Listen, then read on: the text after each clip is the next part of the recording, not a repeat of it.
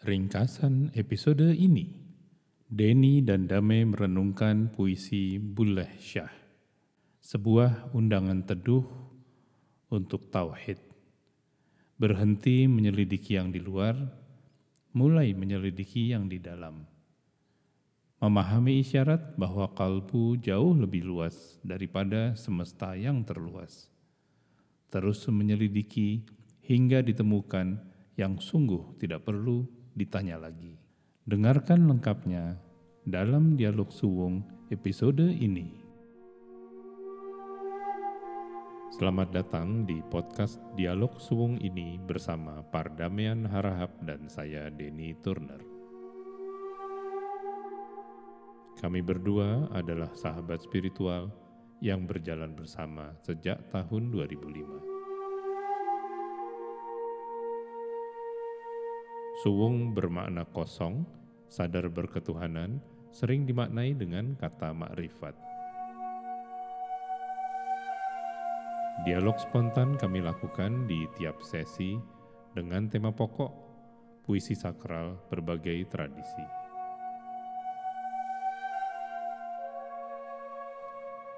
Dialog suwung ini dihadiahkan kepada Anda semua sesama pejalan sesama perindu Tuhan.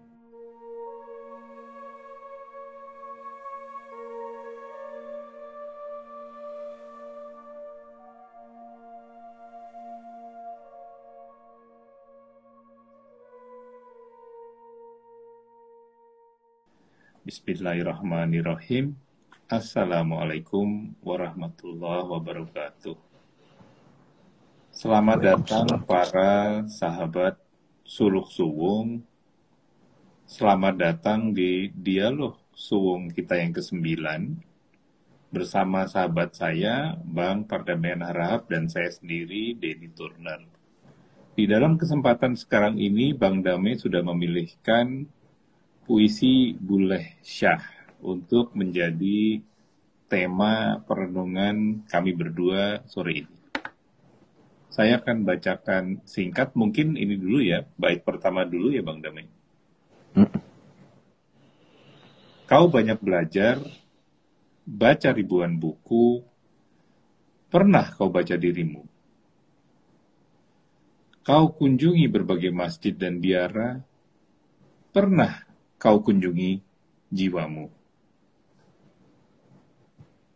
Ini kalau saya mulai, para sahabat semua, ini sebetulnya adalah sebuah undangan. Saya tidak melihat ini sebagai sebuah apa ya anger gitu, tapi sebaliknya ini adalah justru sebuah invitation bahwa manakala kita itu sudah mempelajari begitu banyak hal, ribuan buku, dan manakala kita itu sudah juga berjalan ke begitu banyak tempat ibadah, maka undangan berikutnya adalah ayo ayo kita mengunjungi jiwa kita masing-masing. Nah ini yang saya ingin uh, bahas dengan Bang Dame. Ini Bang, saya melihat ini tuh sebagai sebuah undangan untuk tauhid sebetulnya. Sebuah undangan untuk self inquiry di mana hmm. yang tadinya itu kalau tadi Uleh Syah itu bilang kau banyak belajar baca ribuan buku itu kan fokusnya ke objek gitu hmm. di luar sana hmm. pernahkah kau baca dirimu lalu hmm. kau kunjungi berbagai masjid dan biara itu kan juga objek tuh kita jalan hmm. ke mana-mana berikutnya pernah kau kunjungi jiwamu jadi ini hmm. kalau saya nangkepnya ini adalah sebuah undangan dari yang fokus ke objek. Kita diundang untuk menjadi bukan ke subjek malah, tapi ke objectless. Hmm, objectless ya. Dari yang tadinya objek itu jadi objectless. Hmm. Undangan bahwa kalau tadinya itu saya itu eksklusif attentionnya tuh ke diri saya sendiri itu semua kan untuk akumulasi buat saya nih. Tapi Ulesnya bilang tunggu, tunggu, tunggu, tunggu. Coba bisa nggak sih kamu itu dissolve, lepasin itu semua diri sebagai separate person. Dan bisakah dengan melepaskan itu, kemudian kita mulai melihat bahwa separation itu jadi hilang, jadi kolaps. Otherness itu jadi kolaps. Sehingga ini sebetulnya adalah, saya nangkapnya bang, mari kita bahas habis ini, ini adalah sebuah invitation untuk melepaskan hijab-hijab kita ini. Sehingga yang tadinya sibuk dengan yang di sana, yang di sana, yang di sana. Akumulasi, akumulasi, akumulasi. Ini justru malah lepasin, lepasin, lepasin. Tauhid deh. Qul Allahu ahad, Allahu sama. Jadi ini sebetulnya beliau kalau saya ngerasa gitu ya, ini mengundang untuk ayo, ayo, ayo, ayo, ayo, ayo. Hmm. Cukup deh, cukup deh ke sana. Sekarang coba deh. Dan yang lebih mengharukan untuk saya itu undangannya bukan sekedar untuk mengenal diri sendiri, tapi memahami Tuhan dengan justru menghilangkan self kita. Mungkin dari situ Bang, silahkan kita ini ya. kita jamming nih. Ya, terima kasih Mas Denny dan sahabat eh, sahabat-sahabat sekalian, pengantar yang sangat bagus.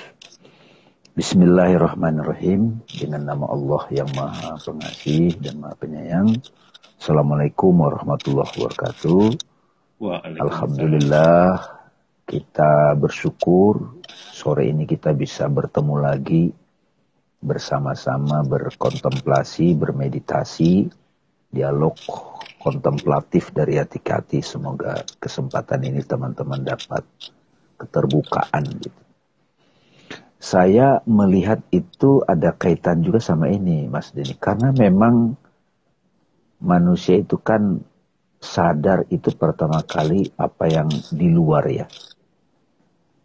Mudah sekali sadar itu. Jadi kesadaran di makna pertama itu sadar pada sesuatu yang otomatis appearance gitu.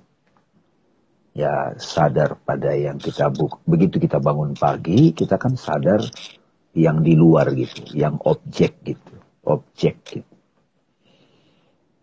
Ya kan? Nah, bahkan pengetahuan kita itu semua dari luar, dari buku, dari orang, dari ceramah gitu. Dan kita mengandalkan itu. Tapi itu tetap tidak membuat kita tahu pengetahuan yang pasti. Kita belum dapat pengetahuan yang pasti nih teman-teman. Ya. Jadi akibatnya karena kita selalu terlalu melihat keluar, objek pengetahuan. Bahkan kalau selama ini kita beribadah, yang kita sembah pun sesuatu yang di luar. Gitu. Jadi kalau kata Robert Spira kan compulsive thinking ya. Kebiasaan berpikir kita secara uh, apa otomatis gitu. Atau conventional thinking gitu. Jadi karena itu tepat sekali kalau pernyataan tauhid yang pertama itu adalah asyhadu ilaha illallah ya. La ilaha illallah, teman-teman. Kenapa enggak Tuhanku Allah gitu langsung? Tapi kenapa aku bersaksi la ilaha tidak ada Tuhan gitu. Jadi selama ini teman-teman, ini bukan bukan sebuah kita judging orang, kita menyembah Tuhan itu sebuah objek. Tuhan yang di langit. Kalau umat muslim, Tuhannya itu arahnya kita ke Ka'bah. Kita nggak menyembah Ka'bah. Tapi kita menjadikan itu arah. Kita bukan menyembah Ka'bah, tapi itu arah pointers gitu. Pertanda gitu. Nah, apabila Tuhan kita itu masih objek, pengetahuan kita itu masih objek, itu kita harus lakkan gitu, ngetikan. Kan la ilaha kan? Nah, yang menarik lagi, Mas Dini, teman-teman, objek itu bukan hanya objek fisik, pengetahuan fisik, tetapi begitu kita nonaktifkan, nonaktifkan panca indera kita, maka Tuhan kita itu menjadi imajinasi gitu. Sebuah konsep, sebuah ide, sebuah gagasan. Kan kita yang mengcreate Tuhan itu di situ. Tuhan objek itu kita yang create, ya enggak? Sesuai dengan tingkat kesadaran kita. Itu kita lakkan gitu. Makanya boleh saya bilang, kau banyak belajar baca ribuan buku. Katakanlah baca ribuan buku tentang Tuhan. kita membaca ribuan buku tentang Tuhan, tapi kamu tidak pernah membaca siapa yang membaca gitu sebetulnya. Iya. Kalau di sini kan pernah kau baca dirimu, siapa sih yang membaca? Iya. Ini saya sambungin ya Bang. Ini ini, ini uh, dalam gitu yang Bang Dame nyatakan. Karena saya jadi teringat uh, Rupert Spira itu juga pernah bilang gitu bahwa setiap orang itu punya feeling being myself. Hmm. Tapi nggak semua orang itu jelas selfnya itu siapa. Dan kalau tadi Bu Lesyah menyebutkan bahwa kau banyak belajar, baca ribuan buku, itu sebetulnya self ini jadinya adalah kecampur bang antara self kita dengan begitu banyak konten dari pengalaman hidup kan. Semua imajinasi kita, pemikiran-pemikiran kita, sensasi lah, feeling, persepsi. Sehingga membaca diri sendirinya ini malah terhijab gitu. Dan akibatnya semakin banyak akumulasi yang kita peroleh, justru hakikat diri kita sendiri yang bebas dari segala sesuatu itu justru malah makin cloud nggak ditemukan. Nggak iya, ditemukan. dan yang menarik juga tadi yang bang Dami sebutkan perjalanan kita biasanya gitu. Untuk saya bisa mengenal diri sendiri kemudian saya itu melakukan sebuah perjalanan besar nih gitu kan. Kalau tadinya itu atensi saya itu ke objek, substance, dan sebagainya, lalu kemudian atensi saya adalah kepada perjalanan agama, perjalanan spiritual. Dan seperti Bang Dami bilang tadi, masalahnya bukan Tuhannya yang kita itu genggam, tapi konsep tentang Tuhan. Jadi alih-alih kita itulah ilaha illallah, kita masih diilah nih gitu. Nah, boleh syah di sini tuh kan justru eh jangan berhenti dong, terus baca, baca. Dan ini yang hmm, saya saya anggap gitu Bang ya, kalau tadi Bang Dama itu menyatakan seperti itu, akhirnya kenapa tadi di depan sekali saya bilang ini ajakan untuk self inquiry karena satu-satunya yang belum kita baca itu justru self yang belum dieksplor. Dan justru di sinilah dilema besarnya. Karena seumur hidup kita biasanya itu keluar sana. Bukan ke dalam. Sehingga yang sering juga terjadi, yang saya juga rasakan sendiri Bang dalam perjalanan saya itu adalah saya mencoba memahami diri sendiri itu sebagai objek juga. Yeah. Saya cari peace dan happiness di luar sana gak ketemu. Cari peace dan happiness melalui agama, spiritualisme nggak ketemu juga. Ke dalam nggak ketemu juga karena ternyata perjalanan saya itu adalah melihat semuanya sebagai objek. Termasuk ke dalam. Dan di situ sebetulnya yang jadi penghalang adalah diri saya sendiri karena apa? Ego itu masih kencang banget berarti kan bang di situ kan. Padahal kalau tadi yang Bang bilang la ilaha illallah itu betul-betul semuanya termasuk diri saya sendiri pun itu harus sirna gitu. Nah, membuat sirna inilah sebetulnya awal dari suluk kita itu kan di situ ya bang ya. Ini menarik nih Mas Denny. Kan beliau itu boleh sah menggunakan kata belajar. Kau banyak belajar gitu. Belajar itu kan berarti mengetahui ya teman-teman ya. Belajar apa saja? Belajar bahkan mendengarkan ceramah. Kalau sekarang YouTube gitu. Kalau mungkin bulasa hidup zaman ini kamu telah belajar banyak nonton YouTube gitu. Kamu subscribe macam-macam channel gitu ya. Macam-macam channel gitu kan. Nah itu memang satu bentuk pengetahuan yang didapat dari luar. Gitu. jadi bula bulasa itu menim, eh, mengingatkan kita dengan sangat kencang sebetulnya. Pernahkah kau membaca dirimu? Kalau saya sih mempulgar lagi mas. Hmm. Pernah nggak kamu membaca yang membaca itu gitu? Yes. Yes. Jadi kita mendapat pengetahuan di sana, di luar, banyak pengetahuan, bahkan ada pengetahuan di benak kita. Pernah nggak kamu mengetahui, membaca yang membaca itu? Karena satu-satunya pengetahuan yang pasti adalah menyadari yang mengetahui itu. Nah, yang mengetahui itu kita paksa lagi, kita objektifikasi lagi. Kalau kata Swan, objectification gitu. Iya. iya. Makanya satu saat jadi subjek itu tidak bisa diobjektifkan. Nggak bisa didescribe.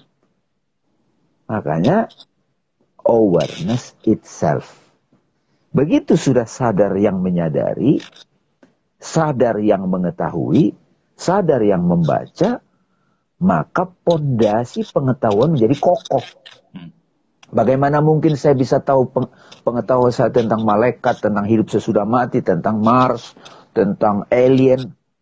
Saya tahu semua itu lewat bacaan, lewat kata-kata. Tanpa saya sendiri mengetahui dengan pasti siapa yang mengetahui. Itu kan kalau dalam berpikir filosofi itu ambruk semua tuh. Hmm. Jadi kalau kita kembali ke René Descartes, René Descartes kita jalan-jalan sedikit ke situ, Bapak filsafat modern. Ada Tuhan, ada hidup sesudah mati. Dia tolak semua itu, dia ragukan karena dia butuh kepastian. Akhirnya begitu dia kembali kepada penyelidikan dirinya Mas Denny. René Descartes kan mengetahui sesuatu yang dia pegang, saya ragukan semuanya, tapi keraguanku saya nggak bisa ragukan. Nah sama juga, saya mengetahui banyak hal di luar. Pernah nggak saya mengetahui dengan pasti siapa yang mengetahui ini? Hmm. Makanya kemudian kamu kunjungi berbagai masjid dan vihara. Itu kan simbol penyembahan. Hmm. Kamu sudah ke, ke Mekah, kamu sudah ke tembok ratapan, kamu sudah ke gereja dan seterusnya. Pernahkah kamu kunjungi dia yang menyembah itu? Jiwamu di situ disebut. Hmm. Hmm. Kau sibuk perangi setan gitu kan kita melawan semua banyak orangnya enggak? Iya. Nah, terus, nah ini, boleh nggak saya baca dikit mas? Silakan, silakan bang, silakan. Pernahkah kau perangi itikat burukmu gitu? Kalau selama ini kita menganggap setan itu yang di luar, Bulasa mengajak kita itikat burukmu itu pernah nggak kamu selidiki? Kau telah raih lu, langit yang luas gitu. Kon kita menyaksikan dengan mata, langit itu tanpa batas sky, angkasa. Namun kau gagal raih kolbu gitu. Di sini sebetulnya bule saya itu memberi isyarat loh. Kolbu itu jauh lebih luas daripada langit yang kau anggap luas itu. Dan itu sejalan dengan kata-kata Nabi, langit dan bumi. Kan kita nyebut langit. Langit itu dalam bahasa Arab itu samawati, Mas Denny. Samawati. Samawati itu sebetulnya lebih yang luas dan tinggi. Infinite. Tanpa batas, space, angkasa. Langit dan bumi, karena manusia kan terbiasa dengan memahami kata langit. Pengertian. Langit dan bumi tidak bisa menampung zatku. Kolbunya orang yang beriman. Di sana aku berada. Nah itu kan ada hadis tuh. Hmm. Ini saya mau nyambung nih bang di sini ya. Hmm. Jadi kalau tadi itu boleh Syah itu mengajak kita untuk masuk itu beyond object. Jadi kalau saya menghayatinya gini nih, kalau tadinya akal pikir kita itu mencarinya keluar, mencari objek lagi, objek lagi, objek lagi, bahkan yang namanya Tuhan pun itu saya objekkan. Di objek, diobjekkan, dikonsepkan. Nah, ini Bule Syah ini mengundang ayo-ayo ke arah sebaliknya.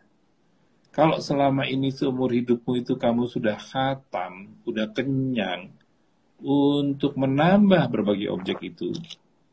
Coba sekarang arah sebaliknya, yaitu apa? Objectless. Ya, objectless. Kita dapat istilah objectless sekarang ya. Ya, bukan ke subjek jadinya. Karena ya. subjek pun kalau nggak hati-hati jadi objek juga gitu. Iya, di, diobjekkan. Iya, jadi objek juga. Kita jadi berjarak. Padahal yang dimaksud Bulesya itu yang saya rasakan gini.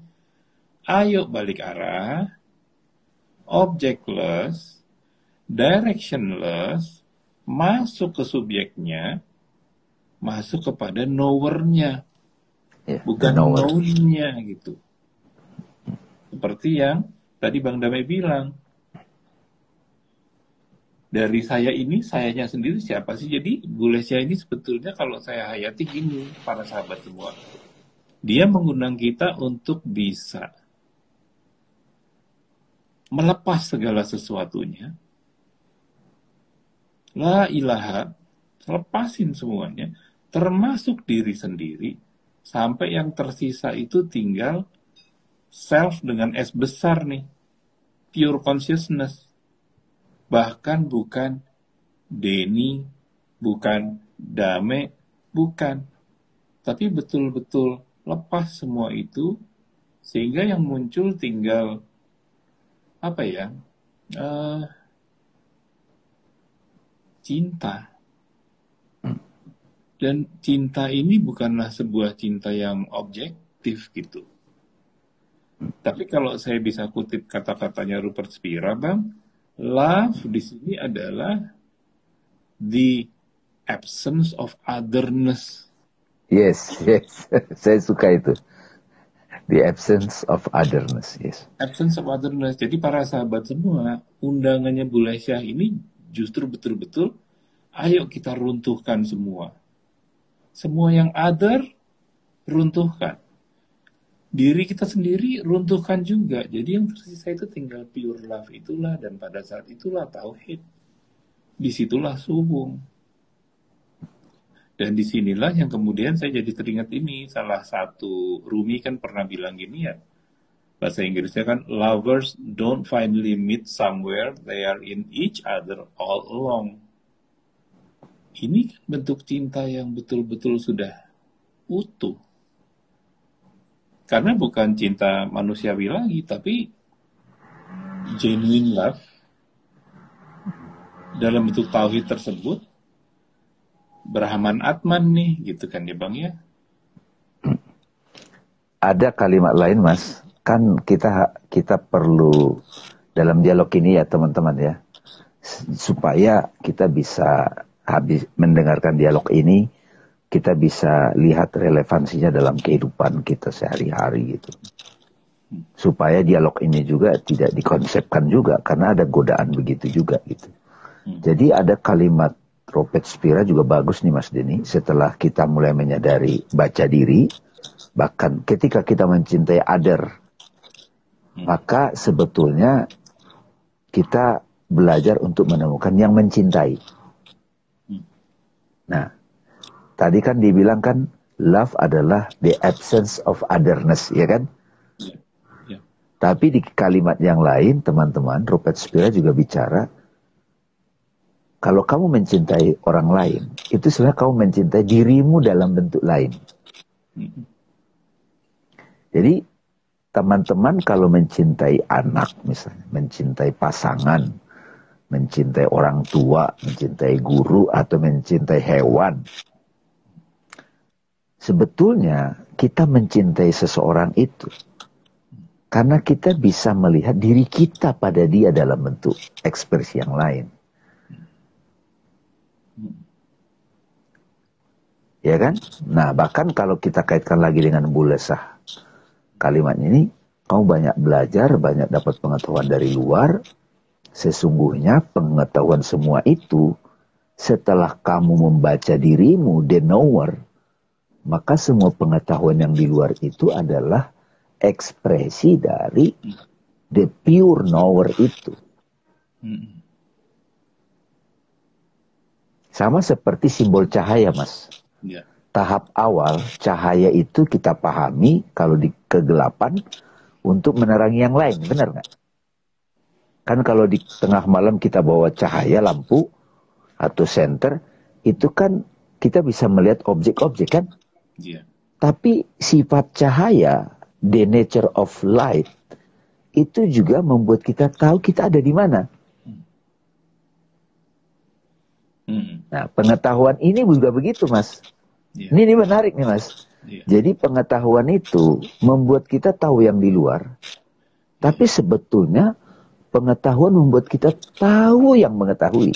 Yeah. Nah yang selama ini tidak dibahas secara uh, serius ataupun fokus utama adalah yang mengetahui.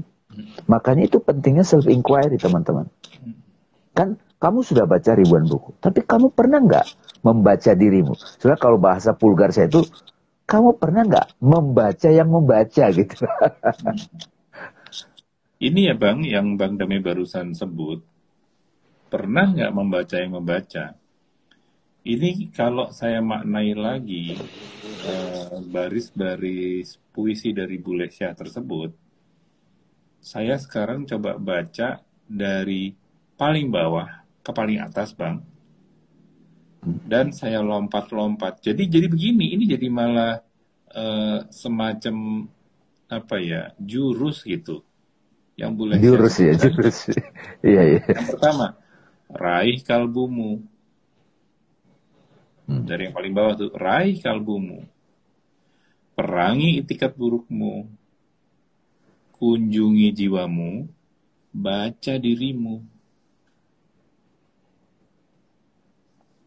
Jadi nyambung sama yang Bang Dami barusan bilang, pernah nggak membaca yang membaca? Ya ini. Raih dulu kalbumu. Itu kan kalau di dalam Islam ada dua dikir ya. La ilaha illallah sama Allah gitu kan untuk untuk masuk gitu.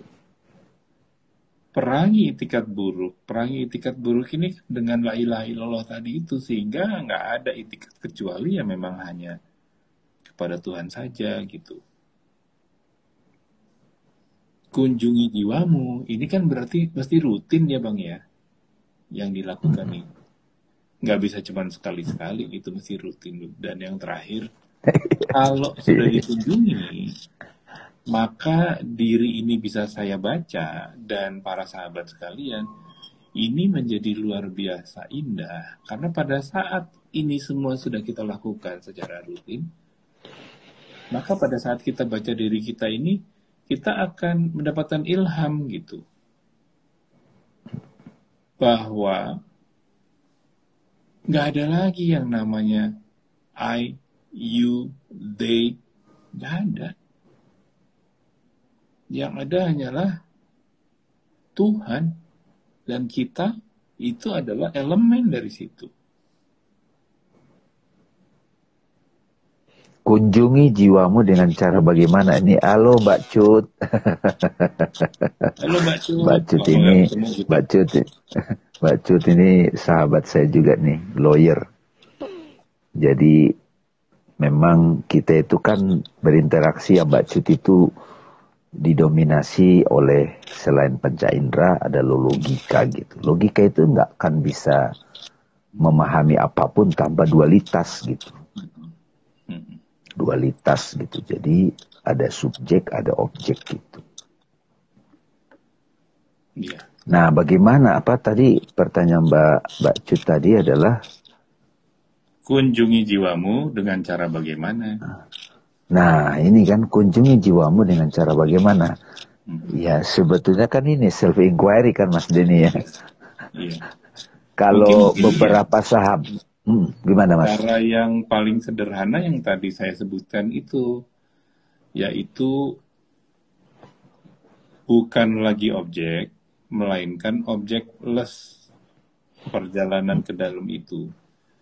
Dan kalau saya sambung yang Mbak Grami bilang tadi tentang self-inquiry itu adalah pada saat mengunjungi jiwa, dengan sendirinya, segala yang tidak esensial itu akan kita lepas.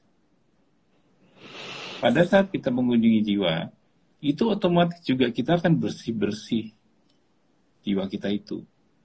Termasuk hal-hal yang berkaitan dengan pemikiran, hal-hal yang berkaitan dengan imaji-imaji, feeling segala macam itu kita kan berasa bahwa itu semua itu cuma numpang lewat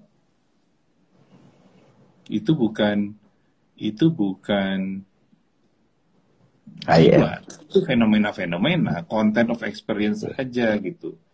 Nah pada saat jiwa itu kita kunjungi maka rasa yang akan muncul itu biasanya adalah damai bahagia dan kita akan clear. menghayati clear. Clear. Dan kita mulai menghayati bahwa lo hakikat kita itu ini dan tadi waktu Bang Damai bilang non duality ini jadi penting sehingga apa namanya kita berada di keseharian pun nggak masalah. Jadi apa ya ngelepasin itu tuh tidak tidak membuat kita juga jadi kagok. Karena kita tadi kadang-kadang lagi misahin apa ya hmm. bagus, jelek apa segalanya yang non esensial aja kita lepasin. Itu itu akan berasa sendiri. Dan ujungnya dari mengunjungi jiwa itu sebetulnya adalah Allah. Itu. Allah di akhir dari la ilaha illallah yaitu ketemu itu ya oh. Mudah-mudahan ini uh, bantu ya wah ini pertanyaan berikutnya juga seru juga apa saya terusin dulu nih sedikit yang kita... yang yang Mas hmm. Denny saya tambahin dulu yang Mbak silakan, tadi. Silakan, silakan. Saya saya sedikit banyak apa uh, senang sekali kalau Mbak Cut nanya. Jadi uh, jiwa di sini ini boleh jadi kalau kita kembali ke teks aslinya mas ini ini nafs ya nafs diri ya jiwa diri yeah. jadi uh, yang kita sebut diri kunjungi dirimu gitu ya. Kunjungi dirimu. Nah jadi kalau self inquiry itu kan tanya selidiki. Ini apa? Terus ya kan?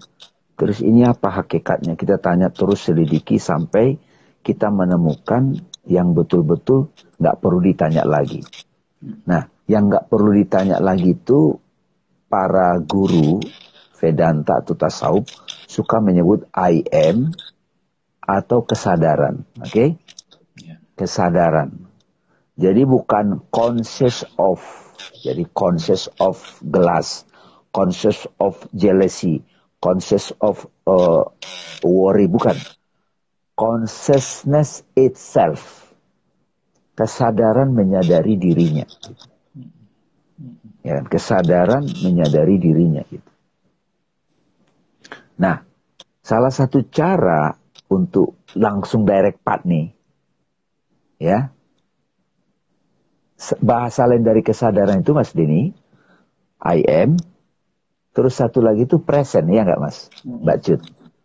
Present, hadir. Kayak kita sekarang ngobrol nih, kita hadir di sini.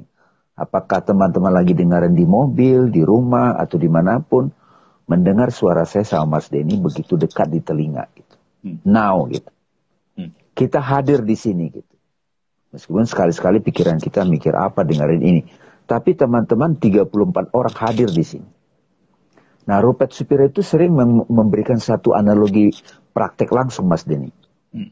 Jadi, kalau ditanya nih seseorang, are you present? Jawabnya gimana, Mas Denny? Hmm. Yes, kan gitu kan? Hmm. Apakah kamu hadir? Yes. Jadi, beliau suka mengatakan, antara pertanyaan dan jawaban, ada satu momen kita itu diam. Nah itu dia. Ya. Saya juga jadi ini bang, jadi apa? Merenungkan kembali dialog kita yang sebelumnya untuk menjawab juga ya, membantu juga para sahabat mengunjungi jiwa itu kaitannya itu juga terkait langsung dengan tujuh derajat jiwa. Ya. Saat saya in the present mengunjungi jiwa saya ini, jiwa yang mana nih gitu kan. Kalau dalam percakapan sebelumnya kan kita bicara jauhi nar, dekati nur gitu kan. Dan wherever we are at the moment, it's okay. Apakah kita itu pada saat mengunjungi jiwa itu lagi yang diri memaksa, diri sesal, diri bijak, atau sudah mulai jiwa yang tenang, jiwa yang ridho, jiwa yang diridoi, atau yang jiwa yang sempurna. Itu kan tergantung ya pada saat saya mengunjungi jiwa saya. At the present moment, yang mana tuh yang lagi muncul dan itu tadi yang saya rasakan sendiri di dalam perjalanan saya, para sahabat semua, semakin sering kita mengunjungi itu, lambat laun itu memang jadi makin teduh ya, makin tenang. Minimal deh kita itu berlatih untuk bisa menjaga di jiwa yang tenang, dia mood mainah itu sebagai sebuah direct experience, bukan sebagai konsep nih. Karena rasanya langsung. Dan biasanya para sahabat semua akan merasakan ini pada momen-momen yang sulit gitu. Kalau lagi sakit atau lagi kena musibah atau apa, nah gimana kita menghayatinya. Nah sekarang saya izin bang, tadi ada pertanyaan lagi Ini. yang. Oke. Okay. Monggo. Mas Denny yang baca coba. Coba ya. Apakah jadi, dengan Apakah dengan objectless berarti kita tidak akan komplain? Hmm. Nah, pertanyaannya Mbak, self inquiry tadi kan kita udah membaca diri. Pada saat kita komplain, Pertama kita akan memperhatikan apa yang dikomplain. Ya, fenomena, kejadian, situasi. Sekarang kalau kita sudah membaca diri, kita nggak nanya lagi apa yang dikomplain, tapi siapa yang komplain? Pasti kita jawab aku. Nah ini siapa aku yang komplain?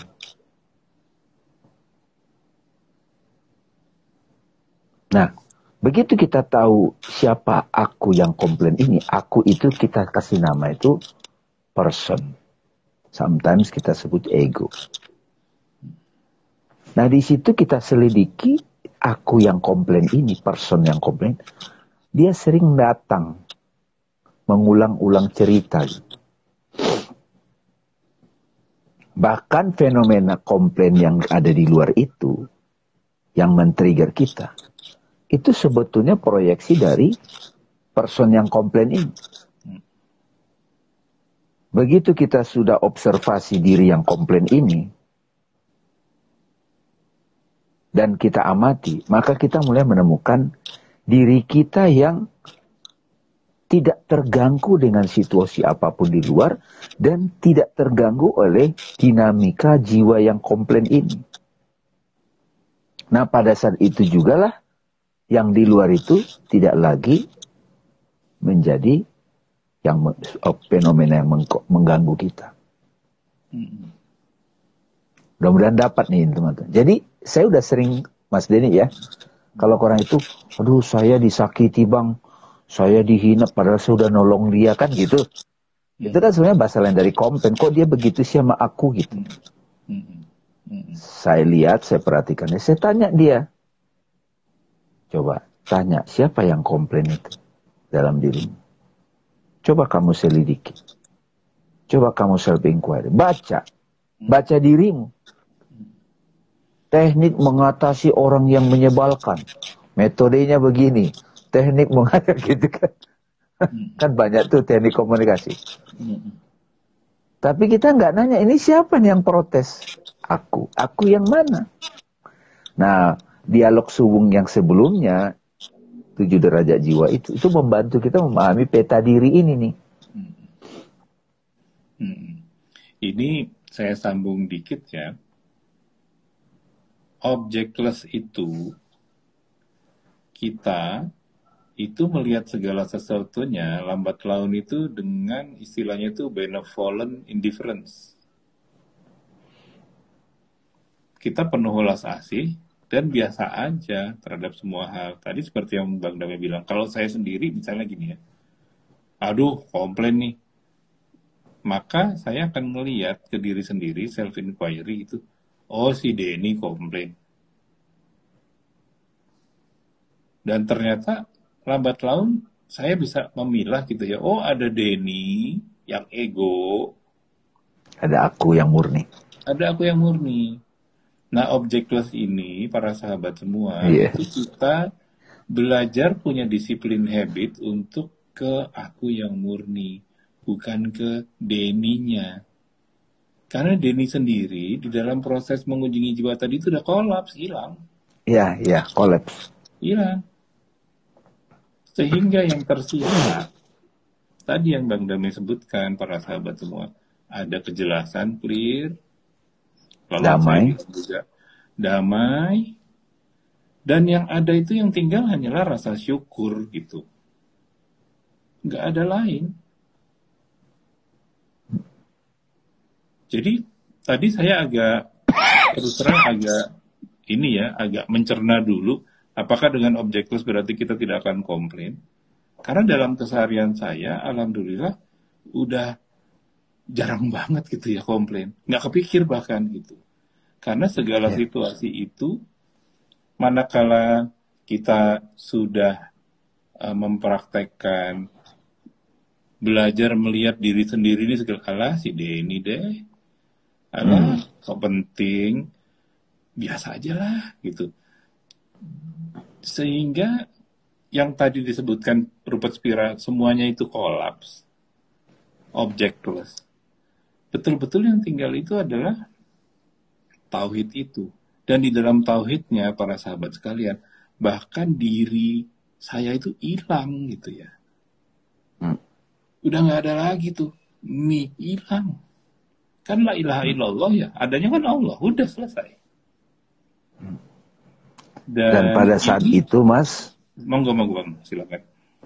Pada saat itu teman-teman, objectless itu kan tidak ada lagi objek. Misalnya kita ngeliat objek fisik dulu, hmm. fenomena kan. Terus kemudian kita tutup panca indera kita. Maka terbayang objek itu di benak kita. Terbayang peristiwanya.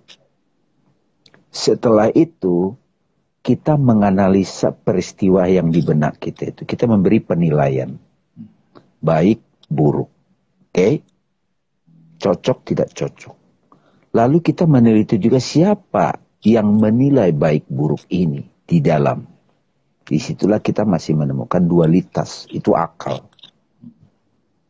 Sampai kemudian kita meneliti juga ada sang saksi yang tidak terganggu oleh penilaian-penilaian dari sudut pandang person ini.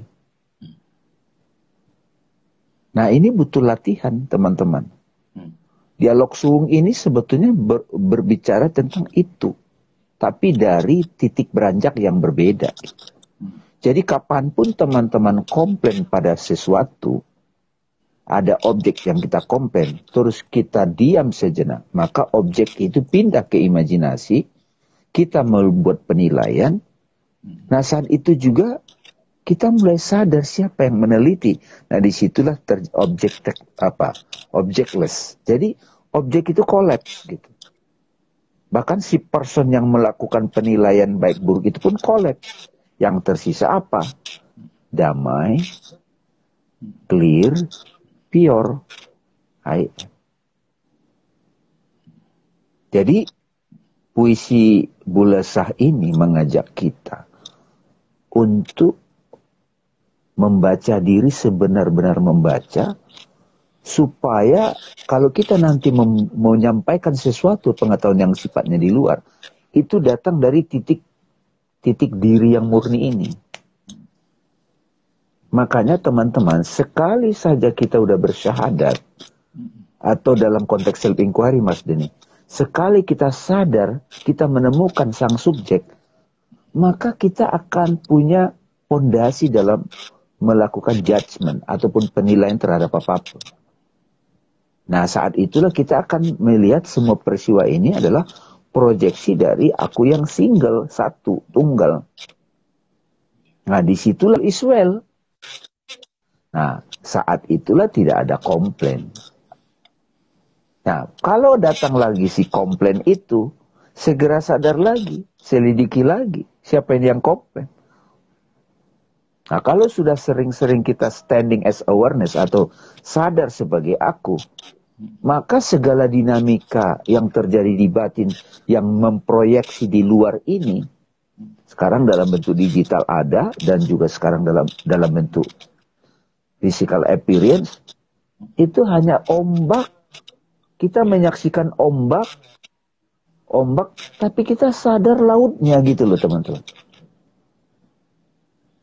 Ingat ya, ombak itu, tarian ombak itu adalah air yang sama. Kalau kita sudah sadar pada air, lautnya, maka ombak itu tidak lagi kita komplain. Wong itu aku kok. Iya. Bagaimana laut akan komplain pada ombak? Wong itu dirinya. Saya mau nyambung nih ya Bang ya.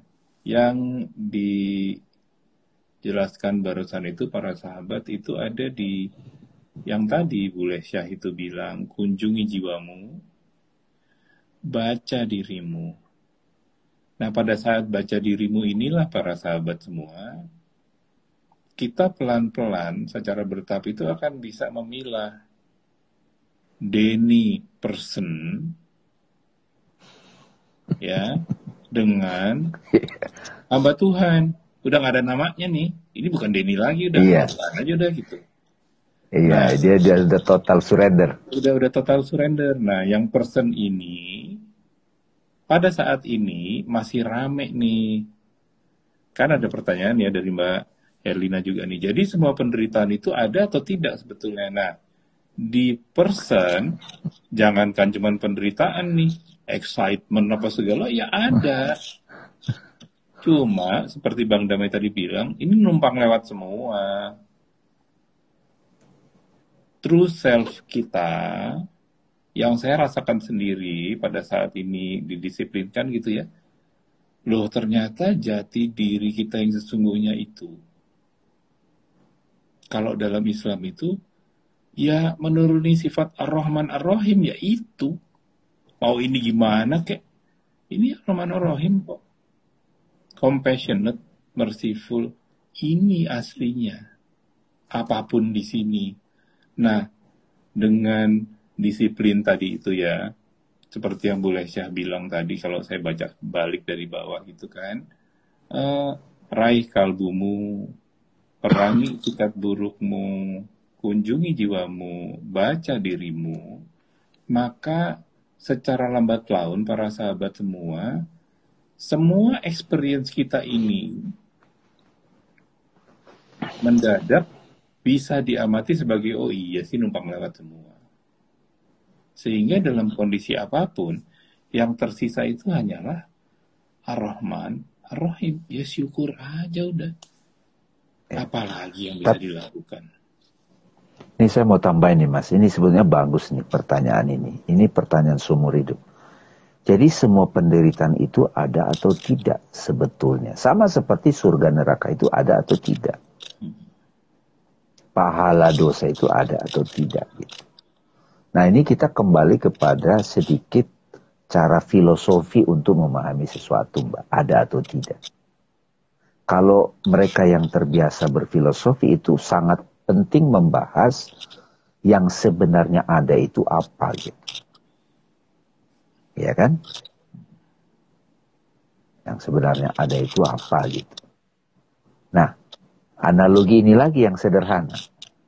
Kayak kalau kita lagi Zoom, Mbak Herlina, pada waktu kita sebelum nyalain, nyalain laptop, itu kan yang ada layar hitam, screen. Begitu kita nyalain, muncullah gambar di sana. Kita online dengan teman-teman pakai Zoom. Kalau 60 orang misalnya yang hadir, nampaklah di situ gambar. Sejumlah yang hadir. Menampak. Apakah gambar itu ada? Ada, tapi benar-benar ada nggak? Yang sebenarnya ada adalah screen Gambar itu adalah screen yang menampak sebagai gambar tertentu. Sama seperti kalau kita bercermin, kita melihat ada kaca. Kita menyaksikan di situ ada projection, gambaran diri kita. Apakah sosok yang ada di cermin itu benar-benar ada? Adanya karena ada sang ada gitu. Nah, derita itu sebenarnya ada nggak? Ada karena sang kesadaran menari sebagai derita gitu. Jadi kalau kita udah sadar sebagai laut, maka ombak itu tetap ada, tapi ombak itu tidak lagi memberikan membuat kita gundah gitu. Nah, gimana caranya kita menyaksikan seluruh eksistensi yang tampak fisikly ini? Kita bisa menyaksikan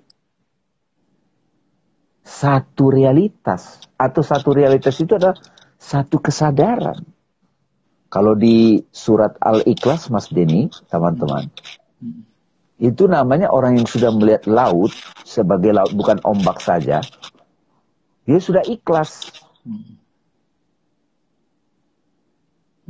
Sudah ikhlas Mas Denny. Jadi gimana caranya ikhlas? Yaitu mas kul hu.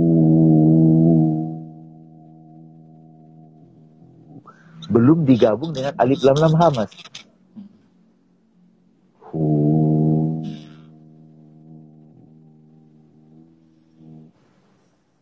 Allah ahad. Ini ya uh, saya mau merespon di sini bang para sahabat semua, kalau kita renungkan lagi nih, ini waktu udah pendek jadi saya mau ringkas saja. Hmm. Bu Lesyah itu kan bilang, raih kalbumu, perangi itikat burukmu, kunjungi jiwamu, baca dirimu. Nah, bagian paling akhir ini, baca dirimu ini para sahabat semua. Inilah perjalanan hakiki setiap orang, gitu ya. Kan kalau kita kenal yakin itu kan ada tiga derajat lah, ada ilmu yakin, ada ainul yakin, ada hakul yakin, gitu kan. Nah, yang akan terjadi para sahabat pada saat kita itu sudah uh, berlatih bahwa ada yang namanya true self ini, ada yang namanya ala si Denny inilah gitu ya, ini nih numpang lewat doang yang terjadi nanti, yang saya rasakan para sahabat, hakul yakinnya adalah kul huwallahu ahad. Bahkan kita ini nggak ada. Iya. Yang ada ya Allah doang. Allah yang apa? Ahad. Dan yang gimana? Solmat. Iya, full. Full. Sehingga dalam kondisi itu para sahabat semua, bahkan siapa itu. Nah, saya berharap supaya kita semua ini bisa gandengan gitu ya, sama-sama jalan untuk bisa menghayati kenyataan ini. Bahwa kenyataannya itu bukan tentang kita sama sekali. Pada saat kita itu sudah kolaps semuanya, absence of otherness, maka bahkan perbedaan antara self dan other itu hilang. Yang ada cuma Tuhan, udah. Ya. Bang Dame, silakan ditutup ya karena udah mau habis nih waktunya. Sahabat-sahabat kalian, Mas Denny, terima kasih sudah mendengarkan kita ngobrol-ngobrol yang sebetulnya banyak hal yang juga kita ulang-ulang, tetapi pengulangan-pengulangan itu seperti kita melihat wajah kita di air sungai, tampaknya sama kalau saya bercermin di sungai, ini wajah ya, tapi sebetulnya kan airnya mengalir. Itu bukan wajah yang sama teman-teman. Nah, kalau kita hanya dominan mendengar dialog ini pakai pikiran, kok yang diomongin itu-itu lagi. Tapi kalau kita mendengar pakai kolbu, maka kita akan merasakan refresh new manifestation. Semoga dialog ini dapat memberikan uh, inspirasi ya buat kita semua dan buat kami juga bersama. Makasih teman-teman, makasih Mas Dini. Kita lanjutkan lagi nanti Jumat depan. Insya Allah disehatkan kita semua. Assalamualaikum warahmatullahi wabarakatuh. Waalaikumsalam warahmatullahi Kami undur diri. Semoga dialog Sung episode ini tersampaikan dengan baik dan menjadi kebaikan.